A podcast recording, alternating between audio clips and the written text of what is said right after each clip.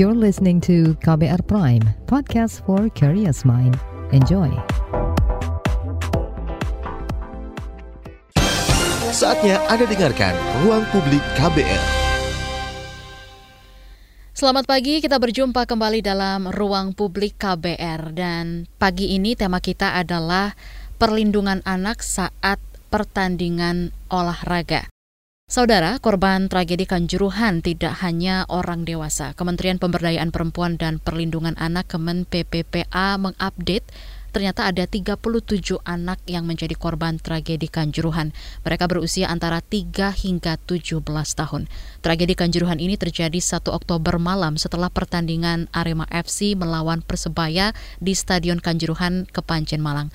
Dan uh, peristiwa ini membuat kita mempertanyakan kembali seperti apa sebenarnya aturan keamanan bila anak ikut dalam menonton pertandingan olahraga yang melibatkan penonton dalam jumlah besar termasuk sepak bola. Dan pagi hari ini di ruang publik KBR kita akan berbincang dengan Ketua Paguyuban Supporter Timnas Indonesia Mas Ignatius Indro dan juga Asisten Deputi Perlindungan Khusus Anak dari Kekerasan Kementerian PPPA, Ibu Ciput Eka Purwianti. Dan kita ketahui tragedi Kanjuruhan ini menjadi catatan sejarah paling kelam dalam dunia sepak bola tanah air. Dan bahkan anak-anak juga ikut menjadi korban meninggal dan luka-luka.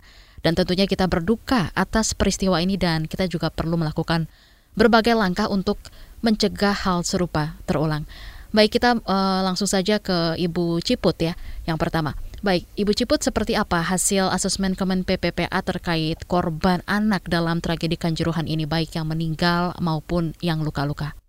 Uh, untuk anak-anak yang uh, ditemukan terluka, uh, sebagian ini kita masih sedang berupaya bersama-sama seluruh tim UPT DPPA dan juga para relawan untuk melakukan penelusuran keluarga dari anak-anak ini karena masih ada beberapa anak yang masih diperoleh uh, belum diperoleh uh, identitas mereka.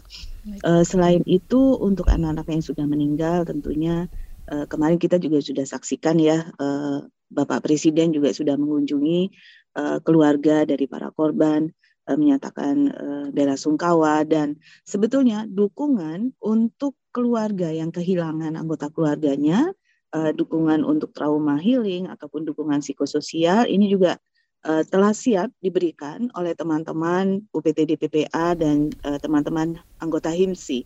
Uh, jadi uh, di daerah uh, unit layanan pelindungan perempuan dan anak telah menyediakan call center untuk seluruh uh, masyarakat yang ingin uh, memberikan informasi ataupun uh, mencari anggota keluarganya yang masih belum ditemukan uh, ataupun membutuhkan dukungan psikososial untuk uh, reach out ke nomor ini.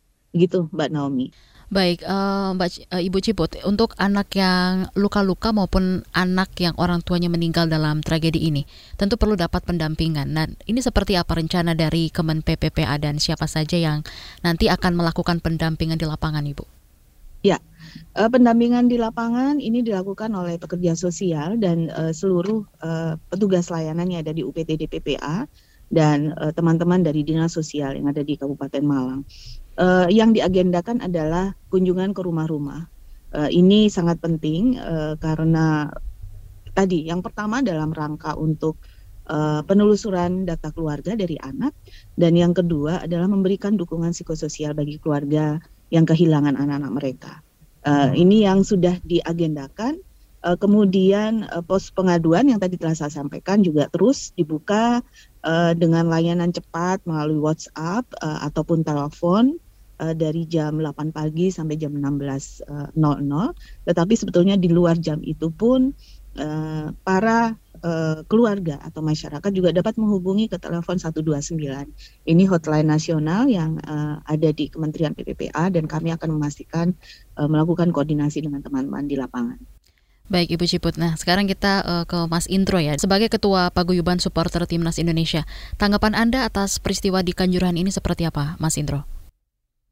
Iya, bagi saya ini adalah uh, tragedi kemanusiaan yang luar biasa dan harus ada penanganan juga tentunya luar biasa. Tidak bisa ini adalah penanganan biasa dan harus dilakukan secara extraordinary ya. Dan ini menurut saya ini adalah kegagalan koordinasi yang dilakukan oleh banyak pihak. Ini baik dari panitia pelaksana, aparat keamanan, lalu juga PT LIB sendiri, ada PSSI ini dan juga mungkin supporter gitu ya. Ini bagaimana uh, ada kegagalan koordinasi yang dilakukan uh, misalnya uh, statuta FIFA saja yang tidak memperbolehkan masuknya gas air mata ke stadion ini tidak disosialisasikan atau dikoordinasikan dengan aparat keamanan. Lalu juga peralatan-peralatan uh, seperti senjata dan dan lain-lain itu kan uh, jelas tercantum dalam uh, statuta FIFA. Namun uh, tidak disosialisasikan juga ke aparat keamanan. Nah ini bukti adalah kegagalan dan uh, kita berbela sungkawa terhadap kejadian ini tentunya dan jangan sampai kejadian ini uh, terulang kembali dan ini adalah peristiwa yang merenggut nyawa terakhir di dalam sepak bola. Saya kira itu, Mbak. Baik, tanggapan langkah pemerintah pasca kejadian sejauh ini seperti apa Anda melihatnya? Iya, saya mengapresiasi dibentuknya tim gabungan pencari fakta dan juga uh, Presiden Jokowi untuk langsung datang ke lokasi kejadian kemarin ini ya. Dan dan ini adalah langkah bagus untuk uh, segera diungkapkannya segala fakta. Dan kita ingin semua dilakukan secara transparan tanpa ada yang ditutup-tutupi. Dan ketika nanti kita masih menunggu rekomendasi dari TGIPF terhadap hal ini dan uh, apa sanksi ataupun hukuman yang di jatuhkan kepada orang-orang yang uh, bersalah dalam uh, kejadian ini, Mbak. Baik. Dan uh, seperti apa nih Mas Intro tanggapan Anda atas pola pengamanan yang diterapkan pihak keamanan selama ini saat pertandingan bola? Ya ini kan harusnya dia aparat keamanan itu bisa membedakan ya SOP penggunaan uh, gas air mata sendiri yang sebenarnya di beberapa negara sudah di apa pertanyakan apakah gas air mata ini layak digunakan dalam menghadapi masa apalagi ketika uh, di dalam ruangan seperti uh, di dalam stadion ya. Ini tentunya harus dibedakan tidak bisa disamakan uh, penggunaan gas air mata dan juga uh, yang lainnya gitu ya apalagi dengan menggunakan tindak kekerasan ini masih menggambarkan bahwa perlu adanya reformasi di tubuh kepolisian. Kita tidak bisa menganggap bahwa kerumunan massa ini semuanya adalah kriminal gitu ya.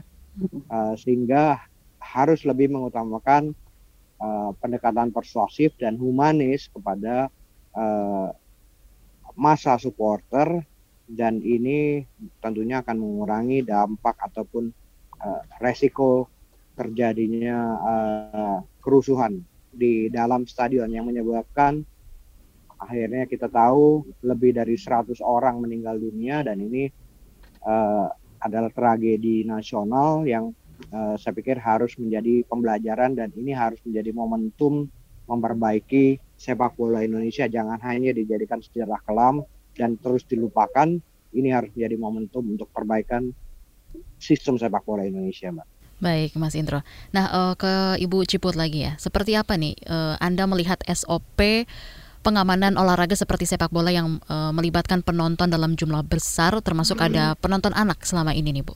Ya, uh, saya setuju dengan Mas Indro ya bahwa petugas ini harus mengedepankan uh, sisi humanis. Uh, kalau kami mengistilahkan adalah uh, para petugas yang berperspektif hak anak, di mana di situ termasuk uh, aspek do no harm, artinya uh, tidak melakukan kekerasan uh, pada anak.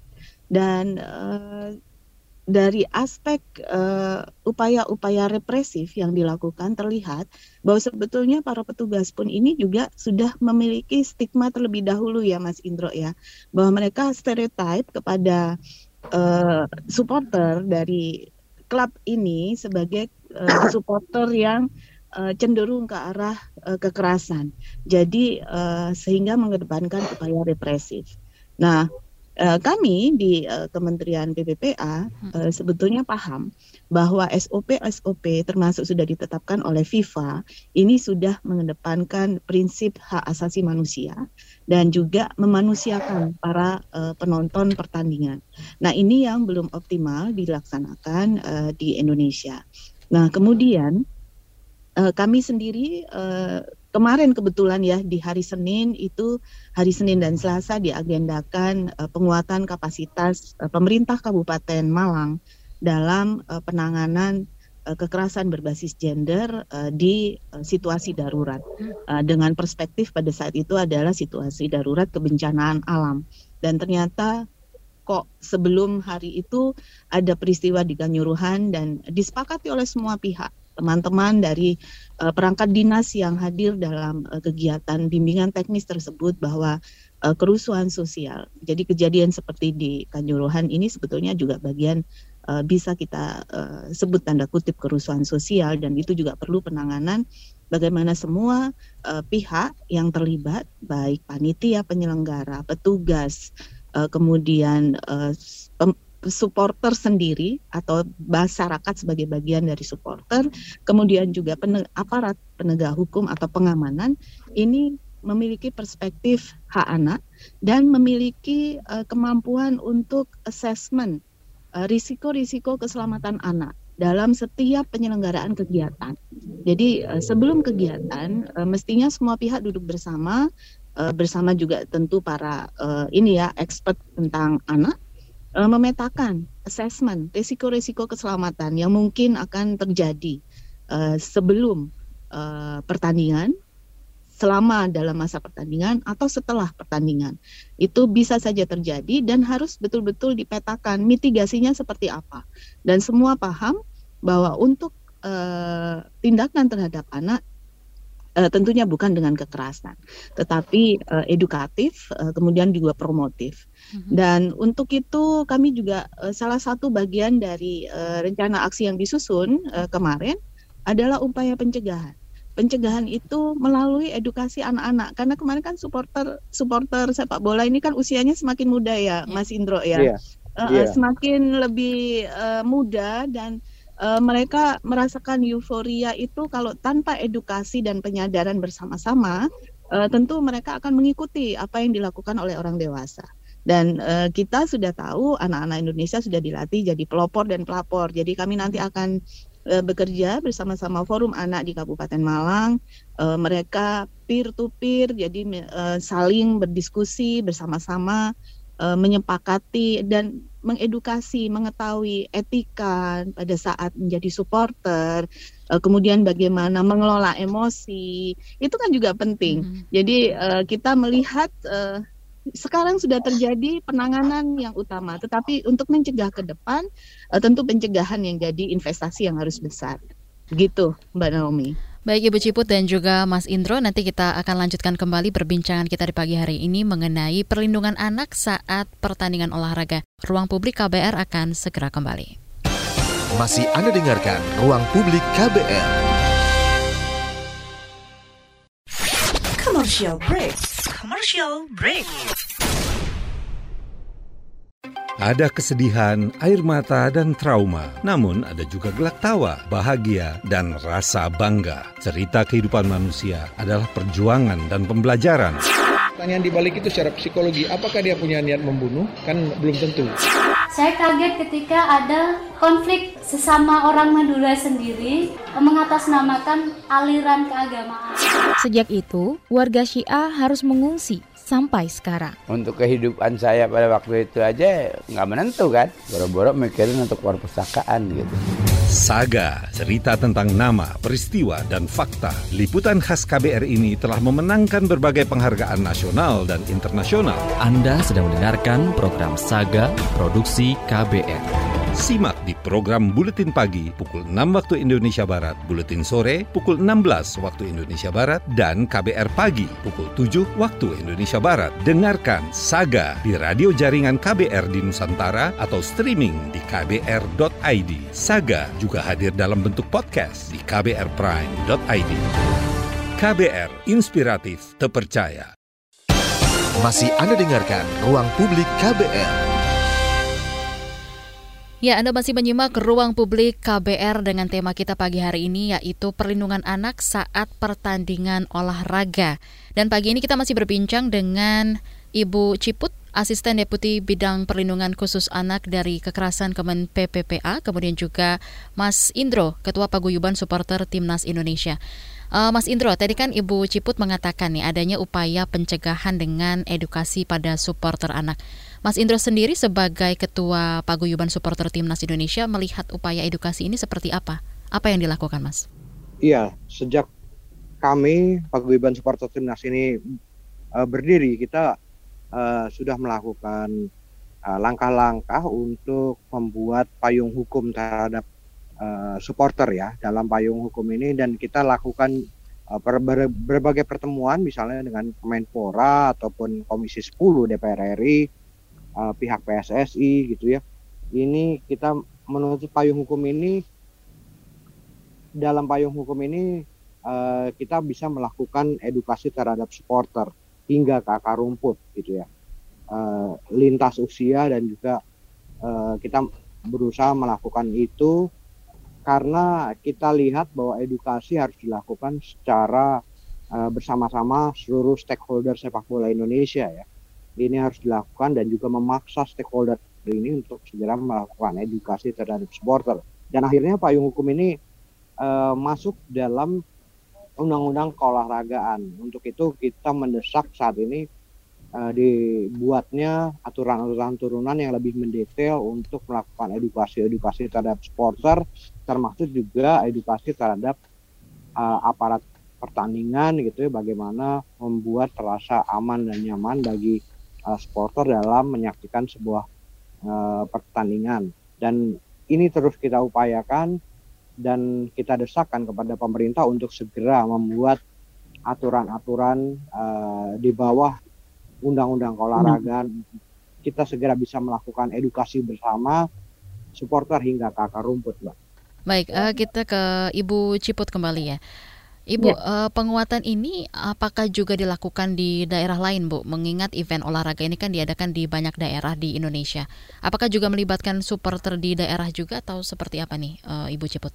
Ya, uh, terus terang belum ya, Mbak Naomi, karena ini kan kejadian baru kemarin dan ini kita aktivis perlindungan anak juga anak-anak sendiri melalui forum-forum anak kami selalu membahas uh, emerging issues berbagai hal yang baru muncul kemudian dan itu akan menjadi perhatian uh, kami semua. Dan uh, kemungkinan ini juga akan kami bahas di forum-forum yang selanjutnya dengan forum anak jadi forum anak itu ada di uh, tingkat nasional, ada pengurus nasional, kemudian ada di tingkat provinsi, kabupaten sampai ke tingkat desa, Mbak Naomi. Dan ini yang uh, sebuah kekuatan modality yang bisa kita gerakkan bersama-sama dengan uh, supporter uh, apa perkumpulan supporter ini uh, sebagai mitra untuk mengedukasi anak-anak muda dan remaja. Baik. Gitu, Mbak Kami siap jadi mitra, Mbak. Ya, mungkin ya. nanti bisa berkomunikasi dengan Mas Indro ya, salah satu perwakilan supporter. Iya. ya. Baik. Nah, Mas Indro, eh, Menteri Pemberdayaan Perempuan dan Perlindungan Anak, Menteri PPPA Bintang Puspayoga juga meminta stadion sepak bola yang ramah perempuan dan anak dan juga penyelenggaraan pertandingan yang memberikan perlindungan pada masyarakat. Ini seperti apa nih menurut Anda stadion yang ramah anak ini? Apakah udah ada di Indonesia stadion yang menerapkan aturan ini. Menurut Anda seperti apa, Mas Indro?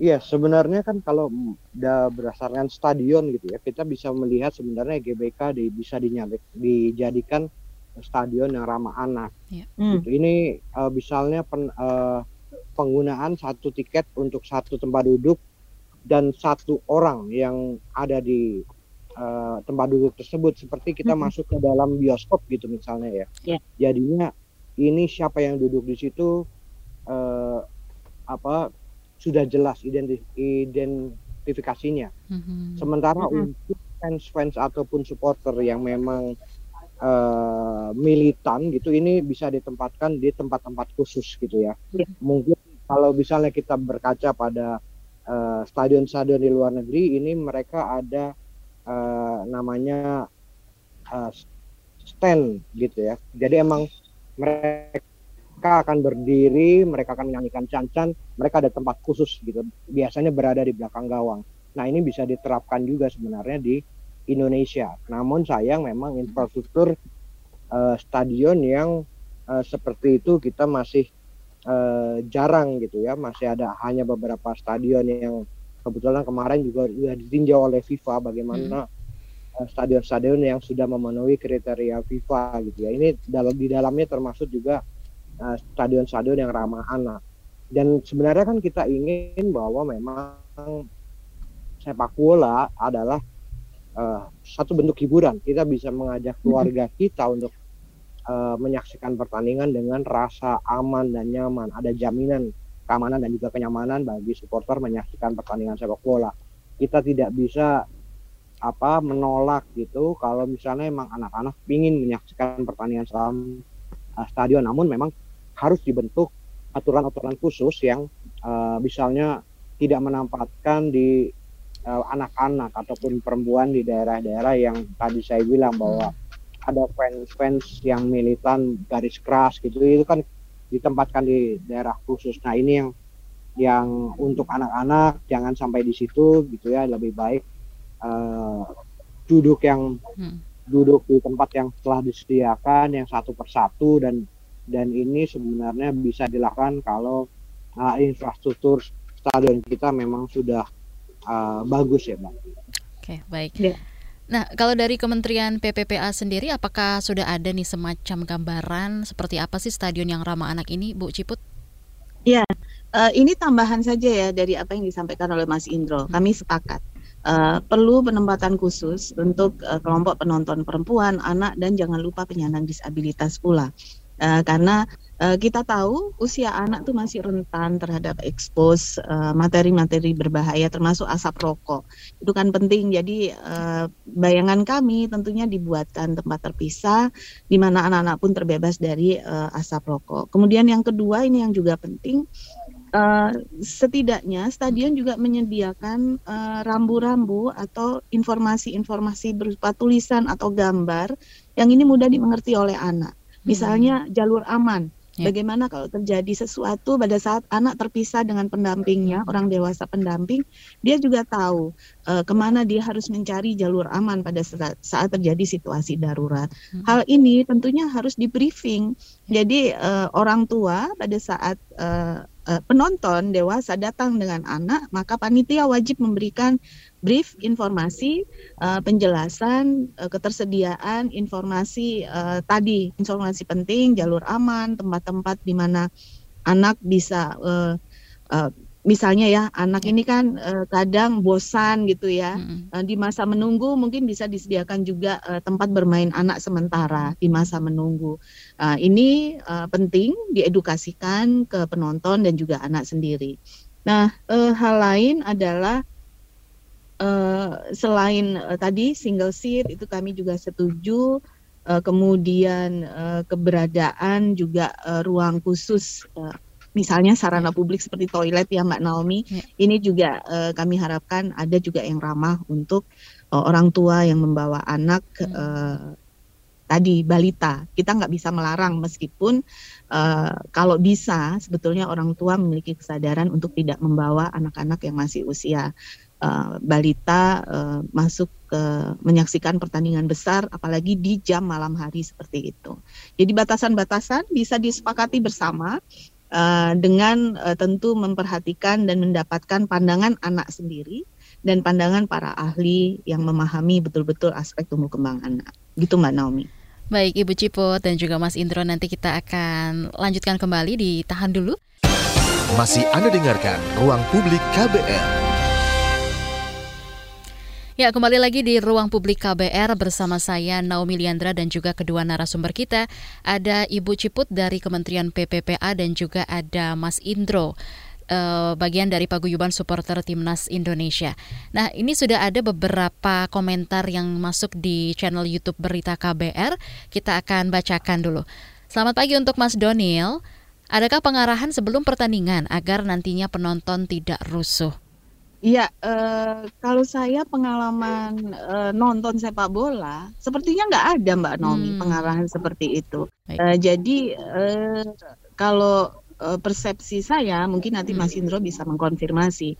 Uh, perkumpulan para su supporter paguyupan-paguyupan kan mereka tergabung dalam uh, kelompok ya, uh, klub gitu ya, dan mestinya uh, adalah upaya-upaya edukasi dan briefing yang diberikan oleh uh, ketua klub masing-masing uh, mengingatkan anggotanya menyepakati uh, rules dari uh, peraturan uh, selama pertandingan. Karena saya ingat keluarga besar saya kebetulan yang uh, sepupu-sepupu anak-anak muda itu juga penggemar sepak bola dan uh, biasanya mereka cerita misalnya untuk rombongan yang akan menonton keluar kota. Mereka kan terorganisir ya dan ada uh, pemimpin uh, atau leader yang akan mengarahkan bagaimana nanti bertemu di titik poin di mana kemudian juga mengingatkan untuk tidak melakukan uh, kegiatan-kegiatan anarkis dan sebagainya. Tapi ini mungkin Mas Indro yang bisa mengonfirmasi.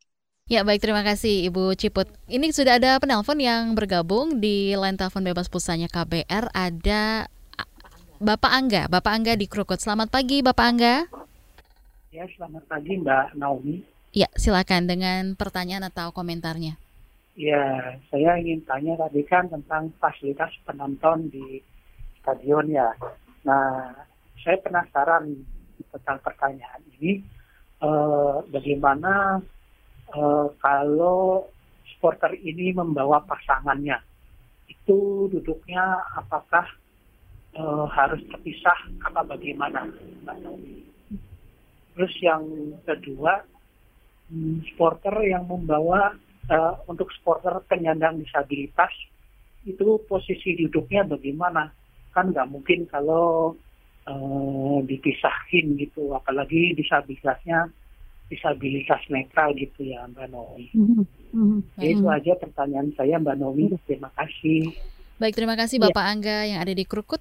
Seperti apa tanggapan ya, Anda? ya seharusnya sih ada ya bahwa bahwa ada koordinasi antara uh, misalnya panitia pelaksana dalam hal ini PT LIB kepada kepada beberapa pihak termasuk misalnya uh, kepada aparat kepolisian gitu. Harusnya dilakukan dan juga mungkin kepada uh, supporter sendiri juga harus dilakukan. Kita tidak bisa uh, tidak bisa menampuk dan harus harusnya memang ada uh, koordinasi yang dilakukan. Nah uh, untuk itu memang diperlukan apa kerjasama juga dengan uh, fanbase fanbase gitu ya. Hmm. ini uh, bagaimana mereka mengatur anggotanya ini penting gitu. Selama ini uh, yang menjadi kelemahan adalah supporter selalu dijadikan objek gitu ya. Hanya diambil keuntungan penjualan tiket penjualan merchandise tapi hmm. tidak tidak dipikirkan bagaimana uh, jaminan keamanan dan kenyamanan uh, mereka dalam dalam menyaksikan uh, sebuah pertandingan gitu. Kita kan juga pinginnya uh, sepak bola itu adalah uh, hiburan ya hiburan uh, bagi seluruh keluarga gitu kita bisa hmm. mengajak uh, seluruh keluarga kita untuk nonton ke pertandingan. Nah, masalah uh, disabilitas dan juga anak-anak ini sebenarnya sudah masuk juga iya. dalam statuta FIFA gitu ya. Dan kita sudah ada enam uh, stadion yang memang sudah terpilih untuk pelaksanaan uh, Piala Dunia U20 tahun depan dan ini sudah dinyatakan sesuai dengan standar FIFA dan FIFA sendiri sebenarnya tentunya sudah memikirkan hal itu juga bagaimana tentang uh, penonton disabilitas ataupun ya. juga tentang uh, perempuan dan anak gitu ya pasti mereka sudah memikirkan dan dan uh, saya harap sih memang pembangunan infrastruktur ini harus uh, menyesuaikan tidak hanya enam stadion itu namun uh, seluruh stadion yang ada di Indonesia harus memenuhi kriteria FIFA tersebut. Baik, nih Mas Indro ada lagi pertanyaan dari Wikan Wiratsongko. Mas Indro, apakah setiap klub sepak bola Indonesia ini memiliki organisasi supporter yang terdaftar dan hmm. mendata anggota supporternya dan apa bentuk pembinaan klub kepada supporter? Salam Mas Indro dari Mas Wikan nah, Wiratsongko. Ya. ya.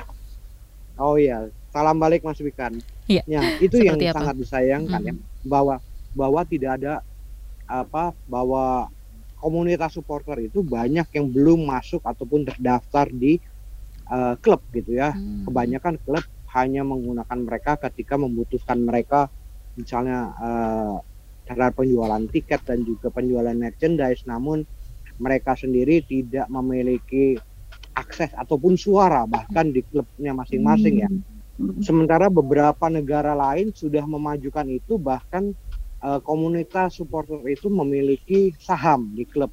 Dan ketika ini sebenarnya ketika ada kejadian-kejadian yang tidak diinginkan, uh, klub merasa di ketika klub mendapat hukuman ini apa supporter karena memiliki saham di klub dia merasa juga ikut dirugikan. Ada rasa memiliki sebenarnya mm -hmm. ketika sebuah klub ini uh, mendapat hukuman sanksi akibat kerusuhan-kerusuhan. Nah ini yang yang seharusnya ke depannya memang ditingkatkan ya bagaimana hubungan klub dengan dengan uh, supporternya. Nah itu tadi yang kita inginkan di hmm. aturan turunan dari olahraga uh, undang-undang olahragaan ini ini membuat detail seperti itu ya.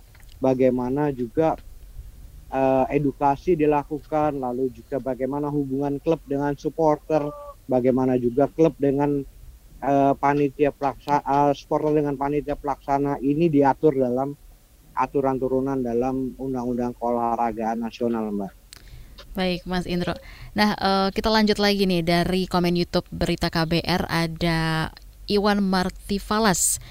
Mungkin bisa ditanggapi nanti oleh Ibu Ciput ya.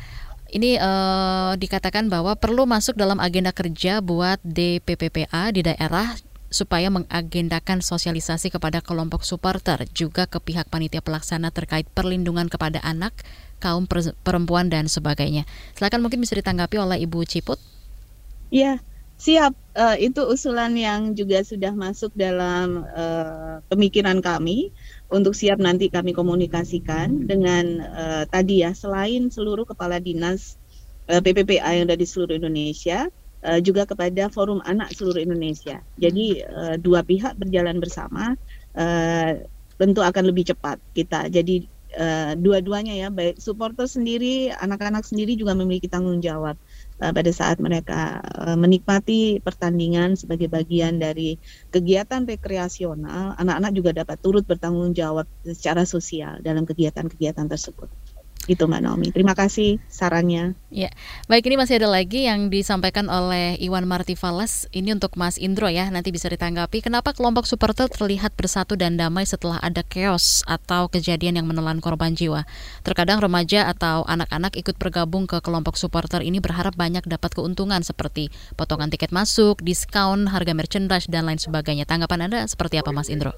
Iya, kita memang tidak ingin bahwa persatuan itu hanya seremoni ketika kejadian-kejadian seperti ini ya. Bahwa persatuan itu benar-benar harus dilakukan eh, apa secara menyeluruh. Dan ada satu pemikiran di kepala masing-masing supporter bahwa ada hal yang lebih besar dari rivalitas mm-hmm. ataupun dari sepak bola itu sendiri ya. Ini masalah kemanusiaan gitu.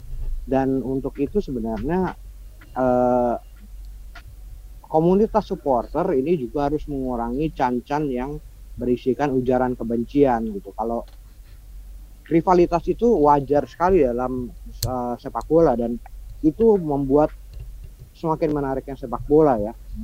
Karena ada rivalitas itu. Namun ketika sudah menggunakan kekerasan ini adalah perilaku yang salah dan harus dihapuskan dari dunia sepak bola. Nah, ini yang yang yang uh, termasuk Can-Can tadi ya, saya sih berapa kali ketemu ya. bahwa anak-anak kecil saja ini sudah melakukan atau menyanyikan Can-Can hmm. yang penuh kebencian dengan terhadap uh, klub-klub hmm. rival gitu. Ini hmm. banyak kali kejadian gitu ke ketika saya uh, berkunjung ke beberapa daerah ya. Ini yang harus dihapuskan uh, dari dan komunitas-komunitas itu apalagi menghindari can-can yang uh, penuh kebencian ini kepada anak-anak gitu. Kita tidak boleh mengajarkan uh, ujaran kebencian ini kepada anak-anak. Sangat berbahaya dan ketika mereka beranjak ke remaja tentunya mereka akan menganggap bahwa uh, rival ini adalah musuh yang benar-benar harus dihancurkan uh, dengan cara apa pun terpaksa menggunakan kekerasan, Mbak. Baik. Baik Mas Indro dan juga Ibu Ciput nanti kita akan lanjutkan kembali perbincangan kita di pagi hari ini dan bagi Anda pendengar Ruang Publik KBR pagi ini membahas mengenai perlindungan anak saat pertandingan olahraga. Tetaplah bersama kami.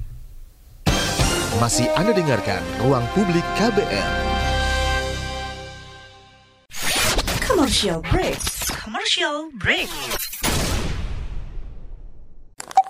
Transfer ke sini udah, bayar ini juga udah. Ke gue udah. Heh, Allah, pertumbuhan ekonomi tuh lagi melambat, persis kayak tabungan gue.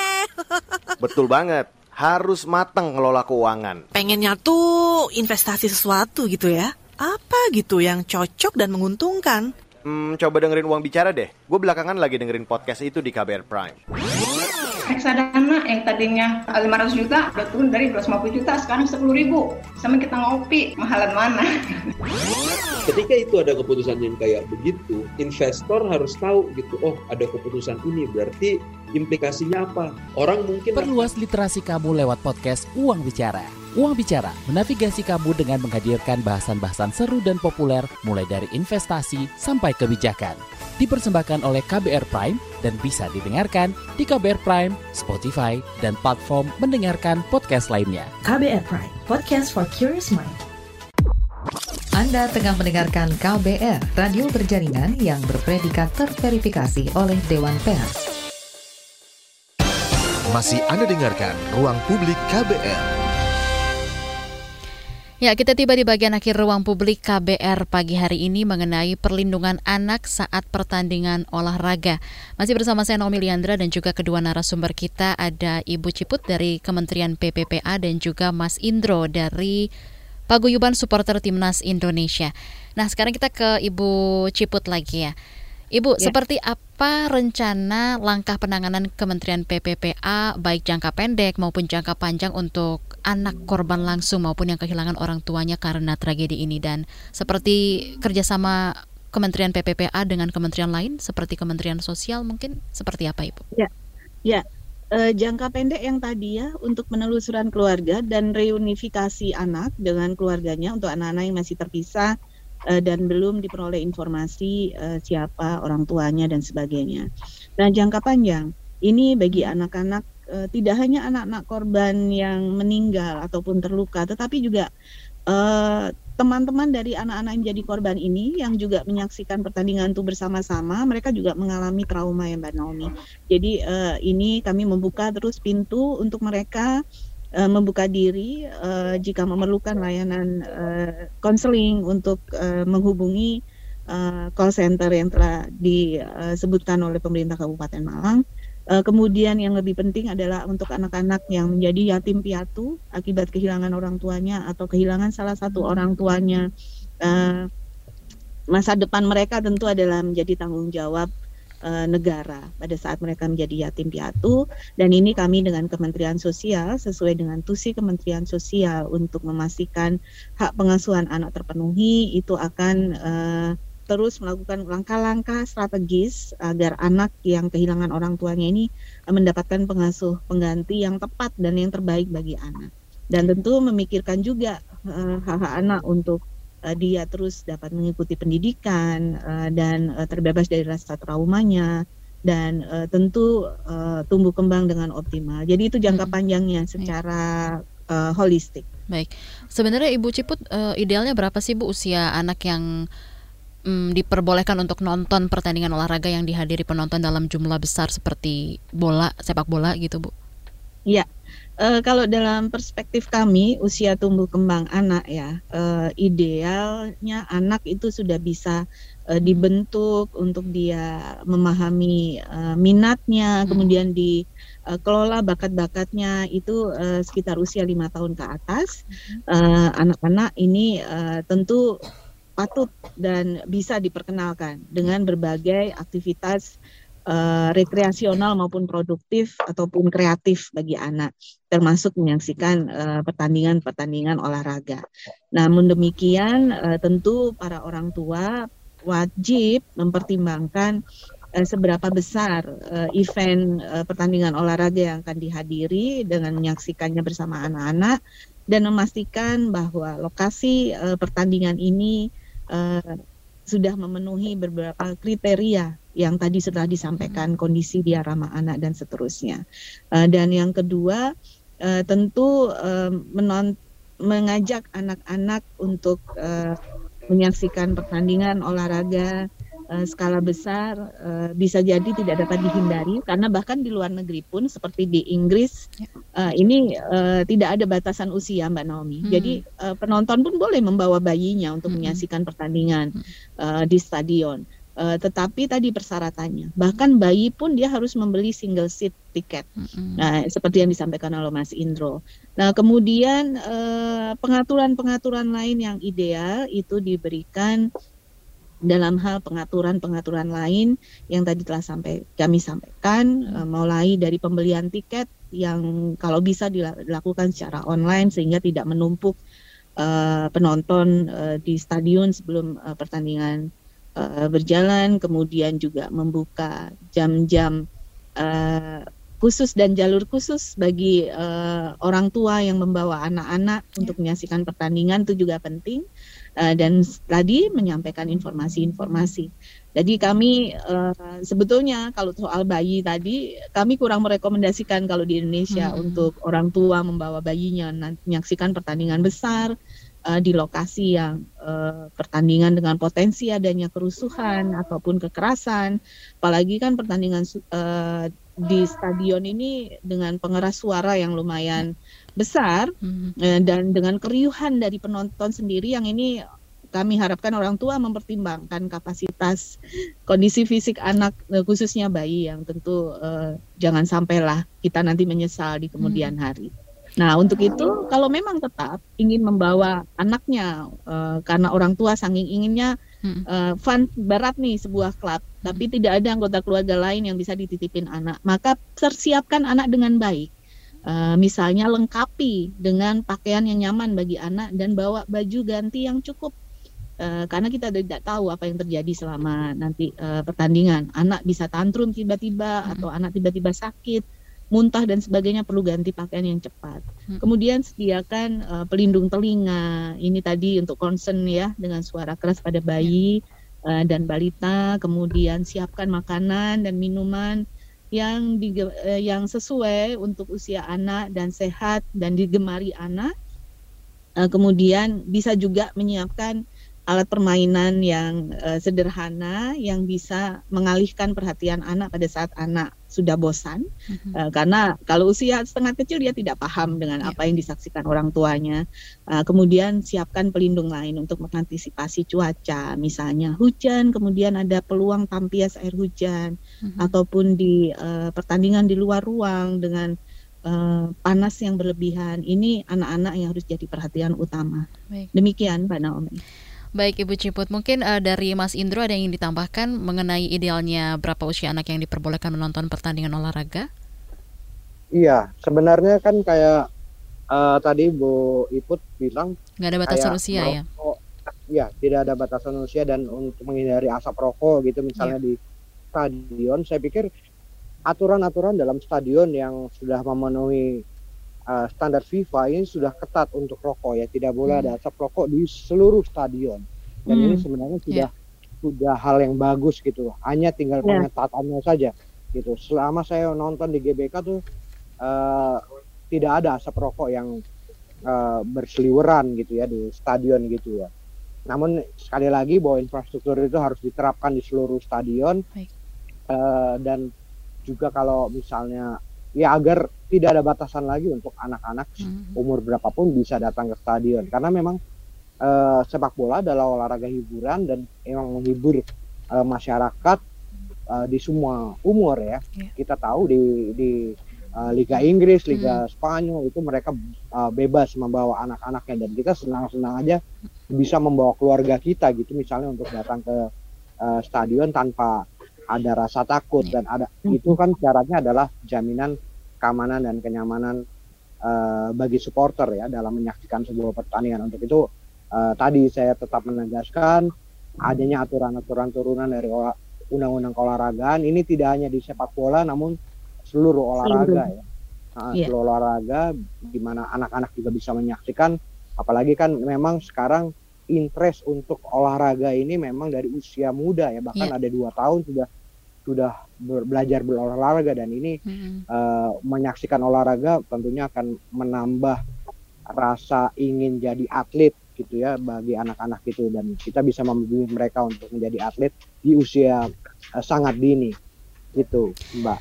Baik. Dan Baik, terima kasih banyak untuk kedua narasumber kita pagi hari ini. Mohon maaf sekali karena keterbatasan waktu kita sudah uh, mengakhiri ruang publik edisi pagi hari ini dengan tema yaitu perlindungan anak saat pertandingan olahraga. Terima kasih sekali lagi untuk kedua narasumber kita ada Ibu Ciput Eka Purwianti Asisten Deputi Bidang Perlindungan Khusus Anak dari Kekerasan Kementerian PPPA. Kemudian juga ada Mas Ignatius Indro, Ketua Paguyuban Supporter Timnas Indonesia. Demikian ruang publik KBR dengan tema perlindungan anak saat pertandingan olahraga. Saya Naomi Liandra, undur diri. Terima kasih. Baru saja Anda Terima kasih. Ruang Publik KBR. KBR Prime, cara asik mendengar berita. KBR Prime, podcast for curious mind.